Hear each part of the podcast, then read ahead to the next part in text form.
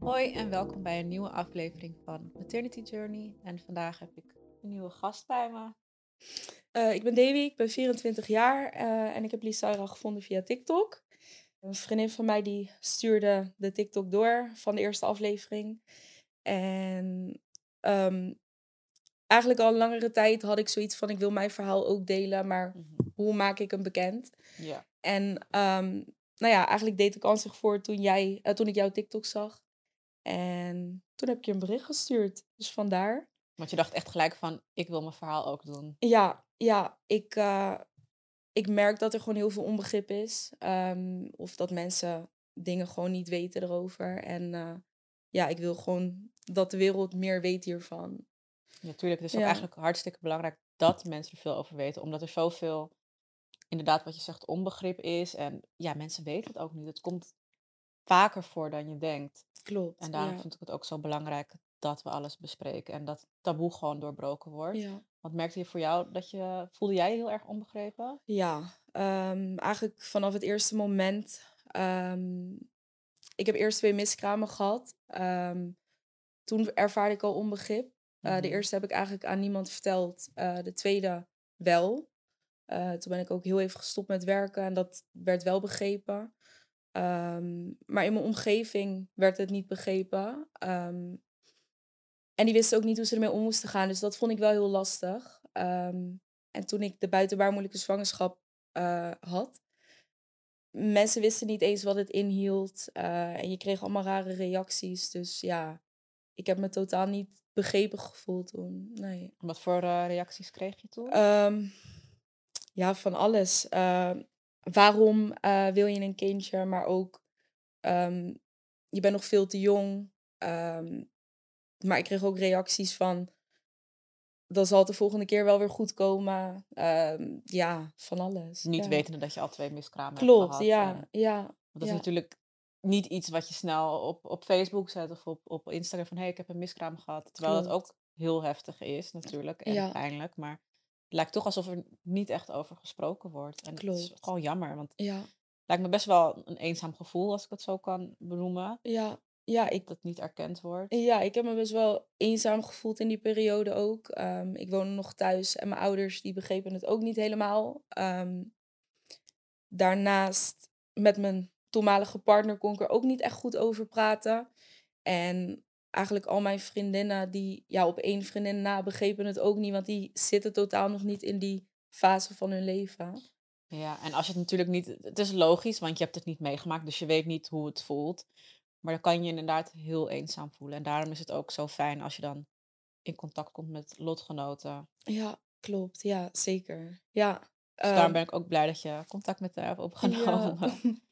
Wat is er precies gebeurd? Ehm, nou ja, bij mij is het zo gegaan. eh, ik heb twee miskramen gehad. Ehm, toen besloten we om heel even te stoppen met zeg maar actief proberen zwanger te worden. Ehm, toen bleek ik toch zwanger. Ehm, ik zit even te denken. 3 januari had ik een positieve test.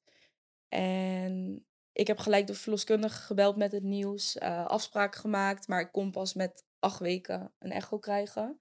Terwijl ik aangaf, ik heb al twee miskramen gehad, dus het liefst zou ik het eerder willen. Ehm, maar hun gaven aan, nee, we wachten tot de acht weken, want dan weten we het zeker. Eigenlijk ging de zwangerschap op zich wel goed in het begin. Eh, ik was blij, ik voelde me goed. Ehm, ik had wel wat klachten, ik had wel dingen, maar ik dacht dat hoort gewoon bij zwangerschap. Je ziektes en Ja, wat, wat voor ja, klachten had je? Of hadden, Ehm, had je die klachten bij de vorige twee zwangerschappen ook toen het misging? Nee, bij de vorige twee zwangerschappen niet. Ik moet zeggen dat ik toen vijf weken en een paar dagen was, dus dat was nog heel pril. Beide keren? Of? Ja, beide keren. Mhm. En ja, bij deze zwangerschap eh, had ik licht bloedverlies. Zo ben ik eigenlijk ook achter gekomen dat ik zwanger was. Eh, want ik was daarvoor gewoon nog ongesteld geworden. En ja, ik had die positieve test in mijn hand. Ik dacht echt, ja, hoe dan? En je begreep niet van, ben ik nou zwanger? Of nou ja, je bent zwanger, want er staat dat je zwanger Ja, bent. ja, ja. Er stond inderdaad dat, dat ik zwanger was, maar ik geloofde het eigenlijk niet. Tegelijkertijd was ik ook heel blij, ehm, want ik wilde het gewoon graag. Ehm, maar ja, het, het klopte in mijn hoofd niet helemaal. Ehm, maar ik heb toen zo'n test gehaald waarop je ziet hoe lang je zwanger bent. Toen stond er dat ik al vijf weken was. Ehm, ja, ik dacht bloedverlies hoort soms ook bij een zwangerschap. Dus het zal wel gewoon goed zijn. Het zal wel kloppen. Ik had allerlei symptomen ehm, die ook echt wel toenamen.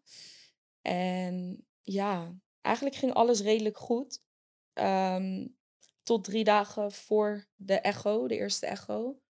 Toen eh, kreeg ik weer bloedverlies, maar dit was best wel heftig. Eh, en ik dacht, ik heb weer een miskraam. Dus ik belde mijn, eh, mijn verloskundige en die gaf aan, je moet nog even een paar dagen volhouden. En dan heb je de echo en dan gaan we het zien. En ja, bij de eerste echo zat het gelijk al niet goed. Ze kon niet echt wat vinden. Dus ehm, ja, toen kreeg ik het nieuws dat ik mijn derde miskraam had. En ja, ik had echt zoiets van, dit, dit kan niet, dit klopt niet. En ja, we zijn naar huis gegaan ehm, met eerst het idee dat we zouden gaan vertellen dat we zwanger waren aan de familie. En toen met het nieuws dat we een derde miskraam hadden. En ja, het was echt alsof ik in een soort ja, waas leefde of zo. Hoe kan dit drie Ja, keer gebeuren? Maar ja. voelde zeg maar, deze zwangerschap ook anders dan de twee vorige? Ja, ik heb eigenlijk ook direct gezegd van drie keer een scheepsrecht, dit gaat lukken. Ik voel het, het zit goed. Ik voelde me toen ook echt heel zwanger en dat had ik de vorige keren niet. Ehm, ja, ik was toen ook al acht weken, maar ja, ze gaven aan dat, dat ze niks meer zagen. Ehm, dus ja, ik ben toen gewoon naar huis gegaan. Dus ze zeiden dat ze niks meer zagen. Dus zeiden ze van, de baby is al...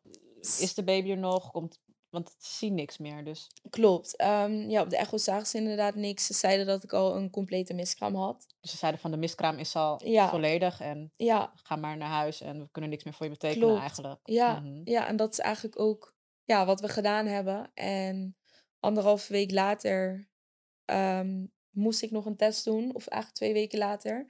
Maar ik heb het anderhalve week later gedaan. Ehm, omdat ik het toch niet vertrouwde. Ik had nog allerlei symptomen. Ik voelde me gewoon nog zwanger.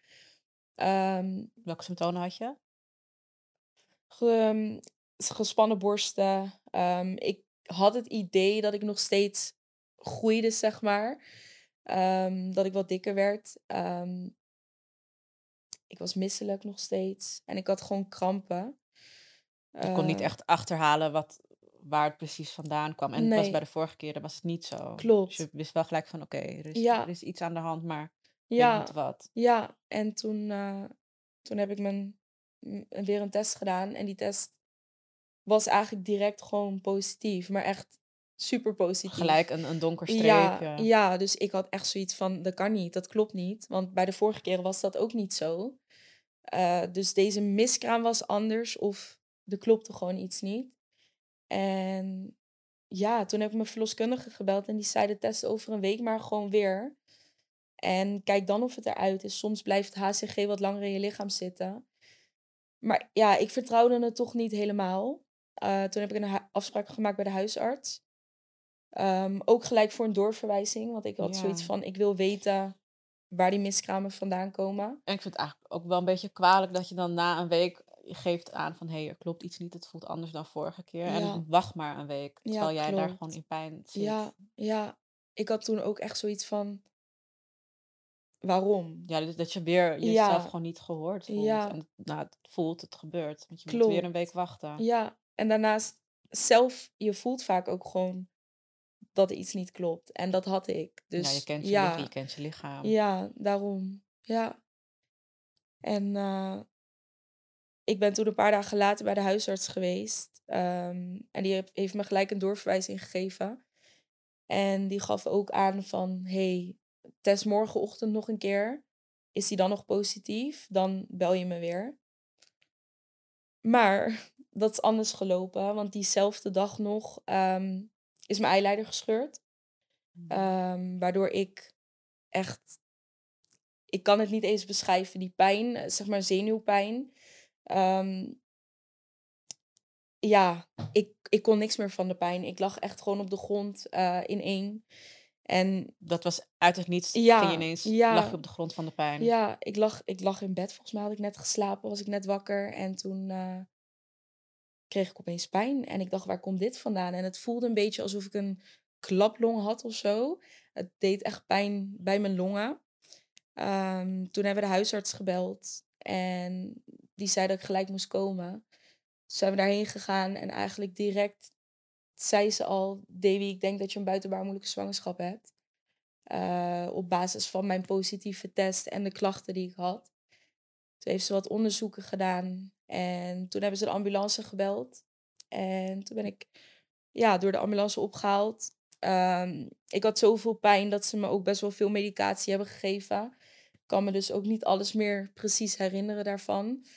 Ehm, ik weet alleen nog dat ik kwam in het ziekenhuis. Ze deden onderzoeken. Ze hebben dat drie keer opnieuw herhaald, eh, die onderzoeken, want ze konden maar niks vinden. Nee, ze konden op de echo's geen kindjes zien. eh, en ja, toen hebben ze tegen me gezegd, Davy, ik denk dat we je moeten gaan opereren.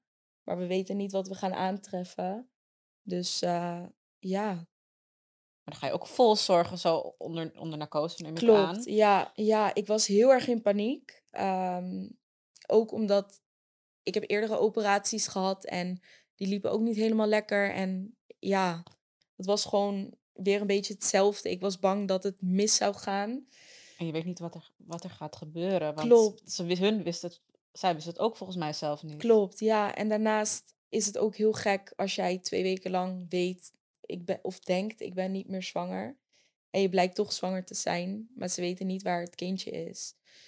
Ehm, Maar wist je toen al wel al gelijk van het zit fout? Of had je nog ergens stiekem ik had hoop van, hoop. Dan, ja, Ja, ik van, had oh, echt hoop. misschien is het gewoon goed en is het toch niet. Ja, ja, ik hoopte echt dat ze me zouden opereren en dat ze een wonder of zo zouden tegenkomen. En eh, zo ben ik er eigenlijk ergens ook wel ingegaan, de operatie.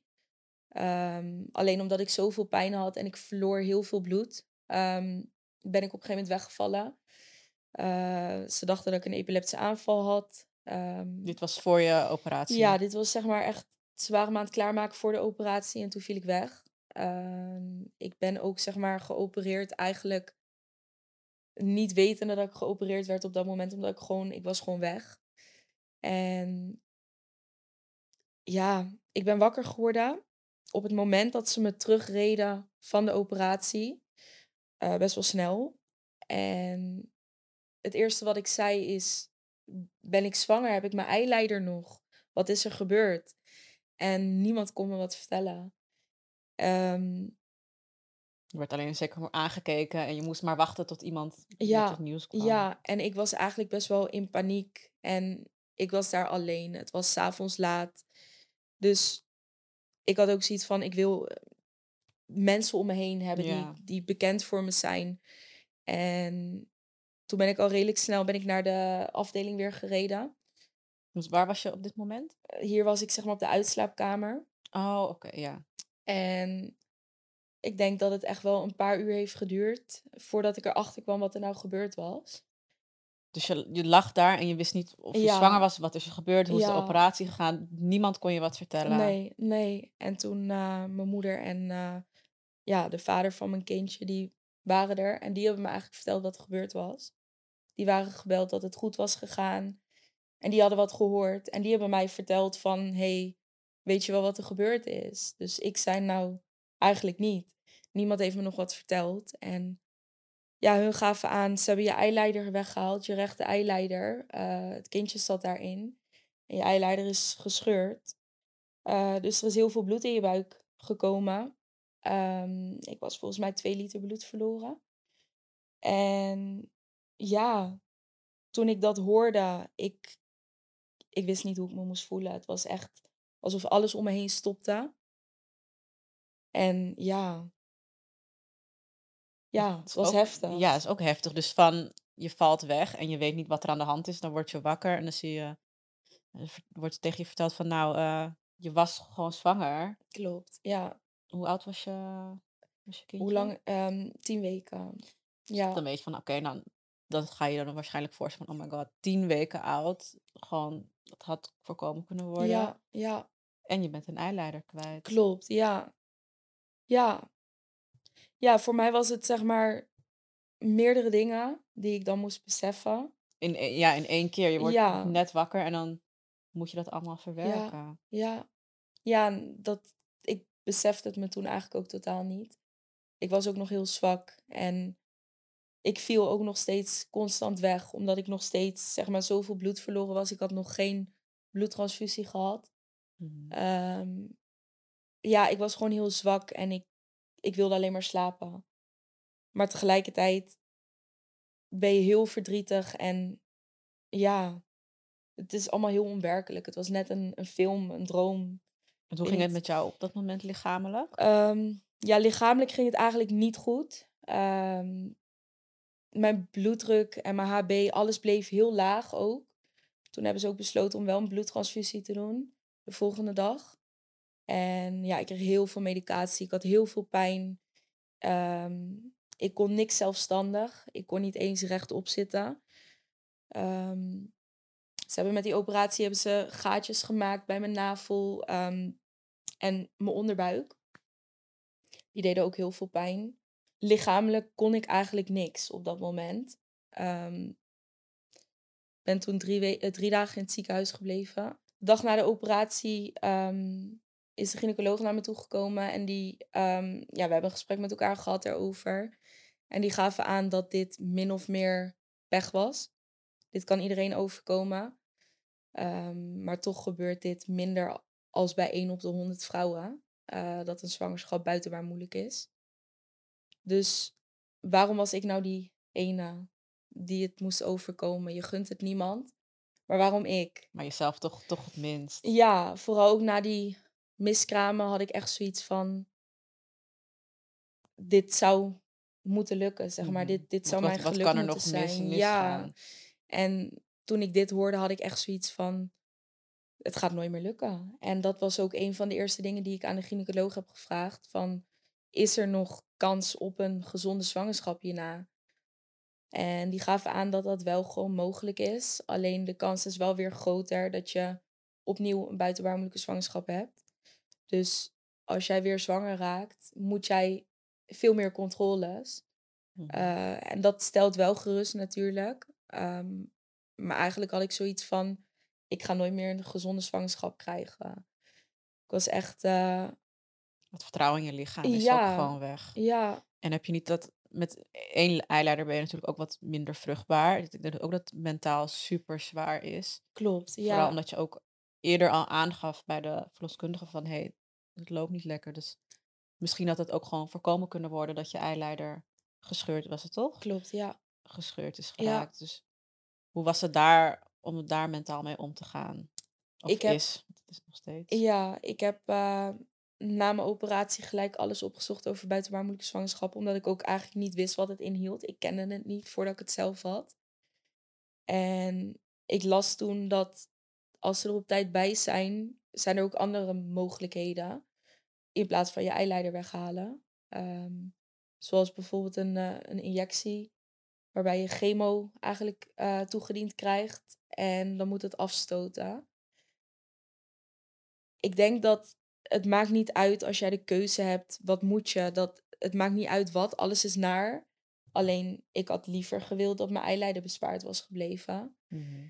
Ehm, ja, ik denk ook omdat daardoor heb ik gewoon zelf het idee van het gaat nooit meer lukken. En dat heb ik nog steeds ergens. Van ik ben gewoon bang dat het nooit meer gaat lukken. Ehm, ja. Mentaal is het. Je bent er constant mee bezig. Je bent eigenlijk constant dingen aan het opzoeken. l- Lotgenoten zoeken die hetzelfde hebben meegemaakt, waarbij het daarna wel goed is gegaan.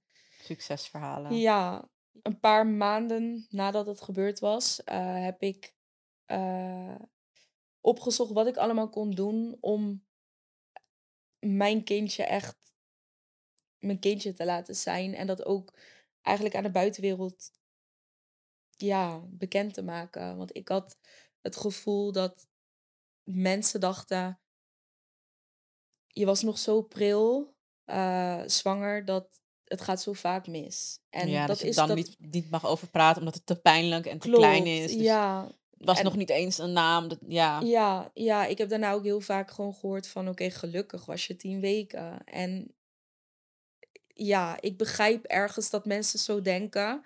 maar dat neemt niet weg dat het voor mij wel ja, heel pittig was. En dat je er verdriet om hebt, ja, dat, dat, dat is er gewoon. En toen had ik het met een vriendin erover en die zei: Kan jij je kindje niet laten erkennen? Mhm. Kan je niet uh, je kindje aangeven bij de gemeente? Toen ben ik dat gaan googlen en toen kwam ik erachter dat je gewoon um, een kindje kan aangeven voor geboorte, maar dan levenloos. Uh, en dat is wat ik gedaan heb. Ik heb Noe uh, aangegeven bij de gemeente. Um, toen mocht ik ook voor het eerst hardop zeggen: Mijn kindje heet Noe. Mhm. En ja, dat voelde ergens wel heel goed. En ja, ik kreeg bij de gemeente kreeg nog een knuffel voor mijn kindje. En ik heb de, de geboorteakte heb ik ingelijst in mijn kamer staan. En ik denk dat dat een van de dingen is geweest die mij wel heel erg, heel erg heeft geholpen bij mijn verwerking. Ik snap dat dat heel. Het is pijnlijk, maar het is natuurlijk ook weer mooi tegelijk, want je geeft je kind een naam en zijn Klopt. bestaan is er en het wordt dan op deze manier erkend. Ja. Dus het is wel mooi dat het ook gedaan wordt. Want ik denk dat het vroeger niet, niet iets is wat kon of wat mogelijk was. Het is pas sinds een paar jaar ehm, dat er op elke leeftijd, zeg maar, ehm, dat het kindje aangegeven mag worden, inderdaad. Ik vind het wel heel mooi dat dat nu zo kan. Voel je daardoor ook meer begrepen? Ergens wel. Ook omdat ik echt kan laten zien aan mensen van mijn kindje bestaat, mijn kindje is er. Um, tegelijkertijd zijn, ja, zijn er nog wel mensen die het niet helemaal begrijpen. En aan wat voor dingen merk je dat? Dat je niet begrepen wordt? Ik denk dat wat voor mij lastig is, waar ik heel veel last van heb, is dat mensen er nooit naar vragen. Um, dat ze nooit eens vragen, maar hoe is dit gelopen met Noe? Of waarom... De naam wordt niet, het kindje wordt niet erkend. Klopt. Noe is er geweest. Um, Noe zit nog steeds in mijn hart. En ik wil ook gewoon dat er zo over Noe gesproken wordt. En ja. Voel je je daarin begrepen door je omgeving? Ja en nee. Um, ik denk door deze situatie dat ik ook heel erg ben gaan inzien dat er mensen zijn die niet proberen om je te begrijpen. En ik heb ook de keuze gemaakt om met bepaalde mensen om me heen um, de band te verbreken. Door dit. Omdat ik gewoon opmerkingen kreeg waar, waarbij ik echt dacht: hoe kan je dit zeggen? Mensen die het zelf meegemaakt hebben en dan nog zeggen: je bent nog jong, het komt wel. Ja, echt. Ik denk echt dat zulke opmerkingen moeten gewoon verbannen worden. Het is zo irritant. En ik denk, ik dacht juist altijd in mijn optiek waren het juist de ontwetende mensen die het zelf niet hadden meegemaakt. Maar het blijkt gewoon dus dat mensen die het hebben meegemaakt ook nog zo erin staan. Nou is wel persoonlijk wat ik denk, rouw is sowieso voor iedereen anders. Iedereen ervaart het anders, maar kom op, een, het, komt wel goed of een, je bent nog jong. ja. ik, dus dan mag je geen pijn hebben of het doet totaal geen eer aan je verdriet, inderdaad. Nee. Alsof je verdriet er niet mag zijn. Klopt. Het is maar een miskraam en het was maar zo klein. Maar je hebt het wel al drie keer meegemaakt en je bent minder vruchtbaar. Dus mag jij ook je verdriet hebben. Ja. Zo zou ik het dan voelen. Dus... Ja. En vooral, weet je, van je eigen omgeving. Dat zijn toch de mensen die er het meest voor je zouden moeten zijn. En het is gewoon jammer dat ehm, je in zulke gevallen leer je gewoon je echte mensen kennen. En zo kom je er echt achter wie er echt voor je is. Klopt. En wie niet. Ja. En ik heb dat zelf ook wel gehad, dat ik het wel jammer vond. Want je groeit gewoon met mensen uit elkaar. Had je dat ook? Ja.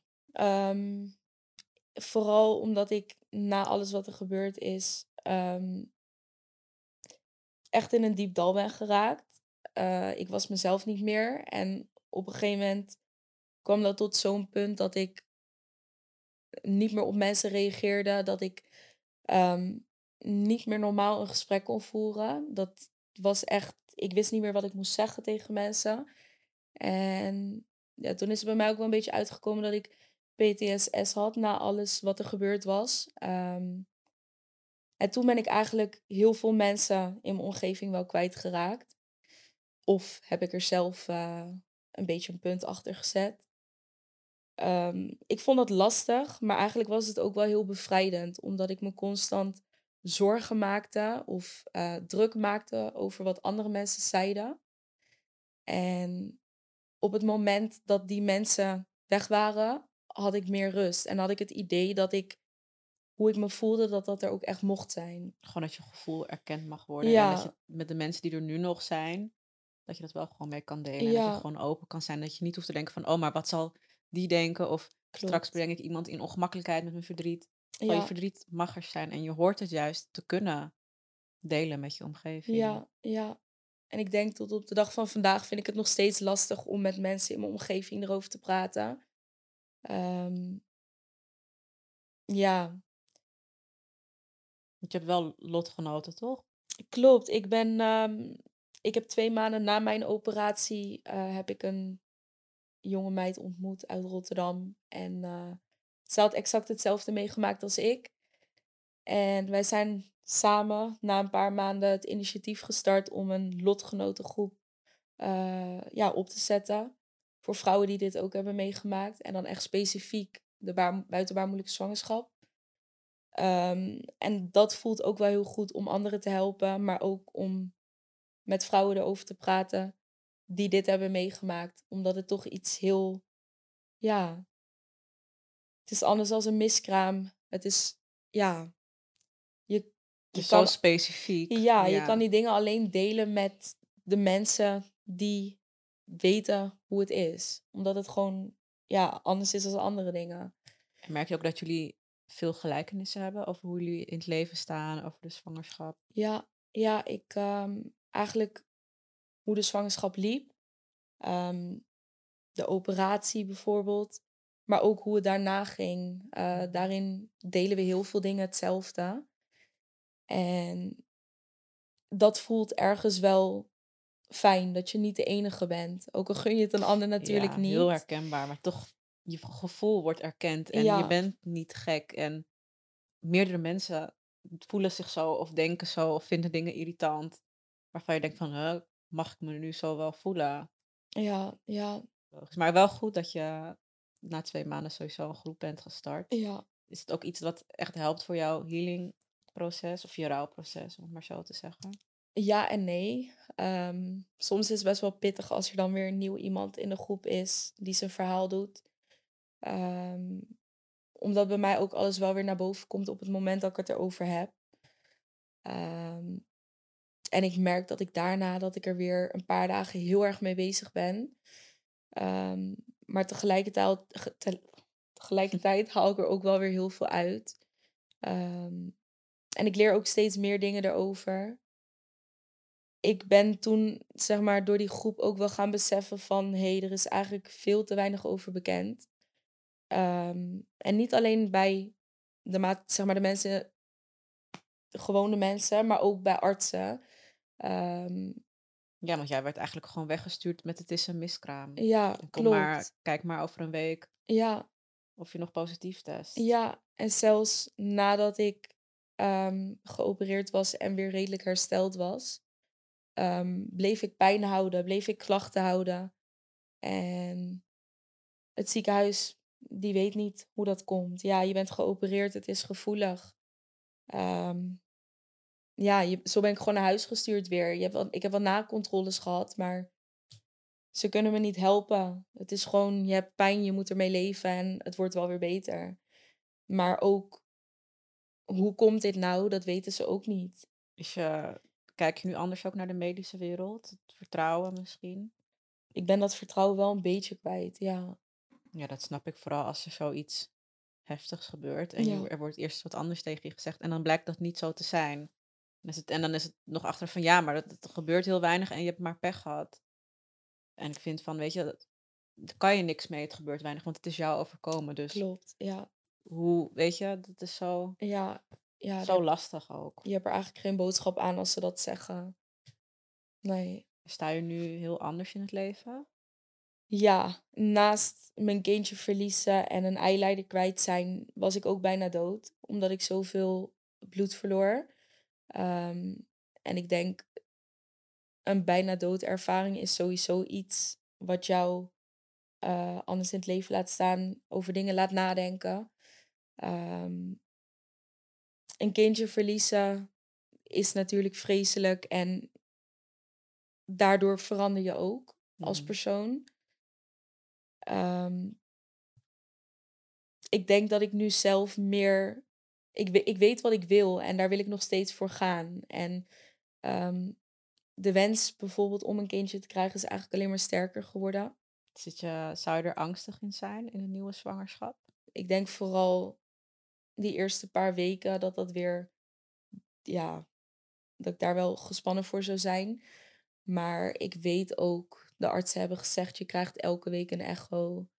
Ehm, we controleren alles. Dus ik moet ergens het vertrouwen hebben dat, dat het wel goed komt. En stel het zit niet goed, ben ik er wel op tijd bij.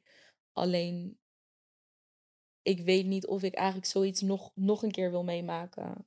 Ja, ik heb dat ook. Ik heb ook wel iets van.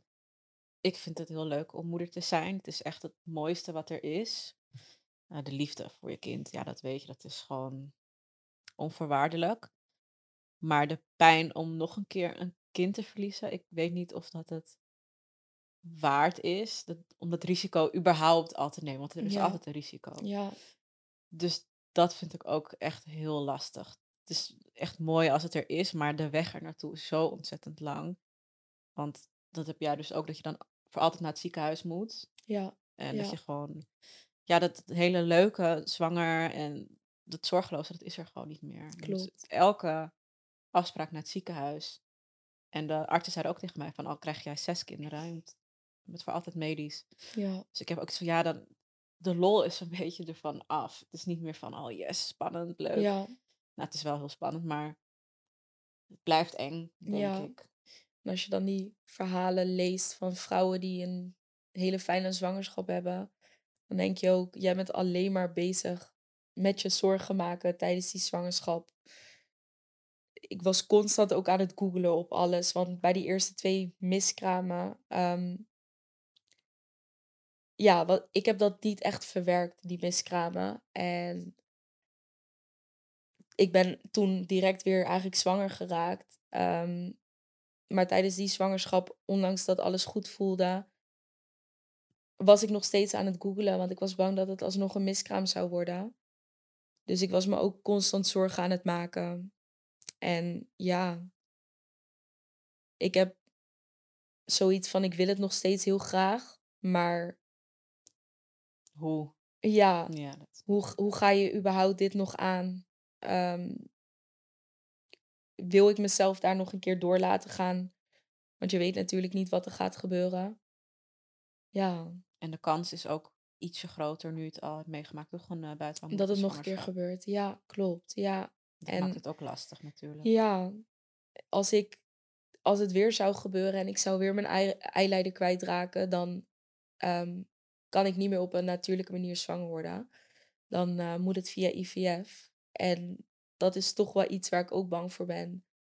Ehm, ja, ik heb op allerlei forums gezeten en natuurlijk allerlei verhalen gelezen over die dingen. En dan lees je natuurlijk de ergste verhalen. Oh, die, ja. dat, en dan ineens zie je allemaal mensen die dat hebben meegemaakt. En dan denk je van, nou, dan ben ik de volgende. Ja, ja, ik lees ook verhalen van vrouwen die gewoon drie keer een buitenbaarmoedelijke zwangerschap hebben gehad. Ehm, die na zoveel pogingen IVF ook niet meer zwanger konden raken. Dat wil je gewoon niet. En tegelijkertijd wil je het wel, want ja, je wilt ook een kindje.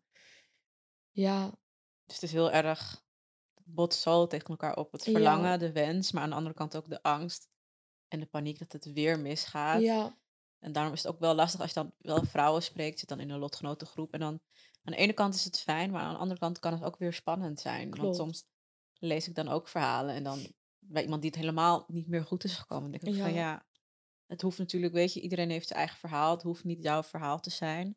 Maar het zijn wel dingen waar je toch over gaat nadenken. Ja, ja. En ik denk juist ehm, jouw verhaal is, ja, hoe zeg je dat? Uniek. Ja, je verhaal is uniek, maar hoe optimistisch je ook wil zijn, je gaat toch ook wel een beetje, Realistisch. ja, Je ja, weet dat het mis kan gaan. Dus Ja. ja. Dus mis- Ja. ik vind het, ja, het is realistisch. Je, je wilt wel positief zijn, maar er klopt, zijn gewoon kansen dat het misgaat. En vooral als het al eerder is gebeurd. Ik heb dat ook. Ik eh, heb ook een grotere kans op een vroeg, vroeg geboorte. Ik zou ook een operatie moeten ondergaan. Dus ja, ik ga niet zeggen van nou, als ik nu zwanger ben, dan komt alles goed. Want dat is gewoon niet zo. nee, De kans is groter dat het misgaat. Dus dat zijn wel dingen om over na te denken. ja. En dat is denk ik ook waarom het juist zo vervelend is als mensen roepen, het komt wel goed. En Ja, want het komt niet goed, want mijn kind is er niet meer. Dus klopt, ja, dat komt sowieso niet nee, goed. nee, Misschien word ik ooit geblest met een ander kindje. Dat zou heel Ja. mooi zijn. ja, Maar dat betekent niet dat het goed komt. Want nee, je wilt gewoon je kind. Ja, En dat gaat niet. niet ja, een nieuw kindje, dat haalt niet een Klopt. verdriet weg. Een Nee. ander kindje dan je kindje die er niet meer is. En ik denk dat dat iets is wat mensen gewoon niet begrijpen. klopt, ja, ja, Al krijg ik tien kinderen, betekent toch niet dat de Kian niet meer mis? Of nee. oh, nu heb ik tien kinderen, nu denk ik niet meer aan Kian. Nee, dat, zo werkt het. Het zal altijd niet. bij je blijven. Ja, Daarom. ja, heb jij, je had ook spulletjes meegenomen die aan. Hoe spreekt, hoe spreekt de naam uit? Noe. Noe.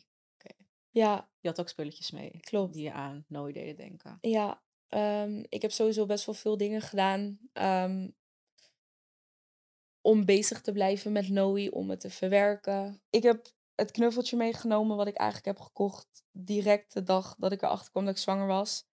Ehm, dat heb ik zo ook aan de vader van Noe eh, ja, bekendgemaakt. Ehm, eigenlijk overal waar ik ga, als ik niet thuis slaap, het maakt niet uit, hij gaat overal mee naartoe. Ehm, ja, dan voel ik me toch een, beetje dichter bij Noe. Ehm, daarnaast, ik heb een tattoo gezet met een naam, een ketting, ja, van alles eigenlijk. Ehm, ik heb ook besloten gewoon 10 februari, dat is mijn dag. Dan herdenk ik Noe. Ja, allerlei dingetjes eigenlijk om toch bezig te blijven ermee, om te verwerken. Om het duidelijk te maken aan mensen ook. Ehm, ja, ik had ook al allerlei kleertjes gekocht. Ik had van alles voor de kamer al. Ehm, en die dingen bewaar ik ook gewoon.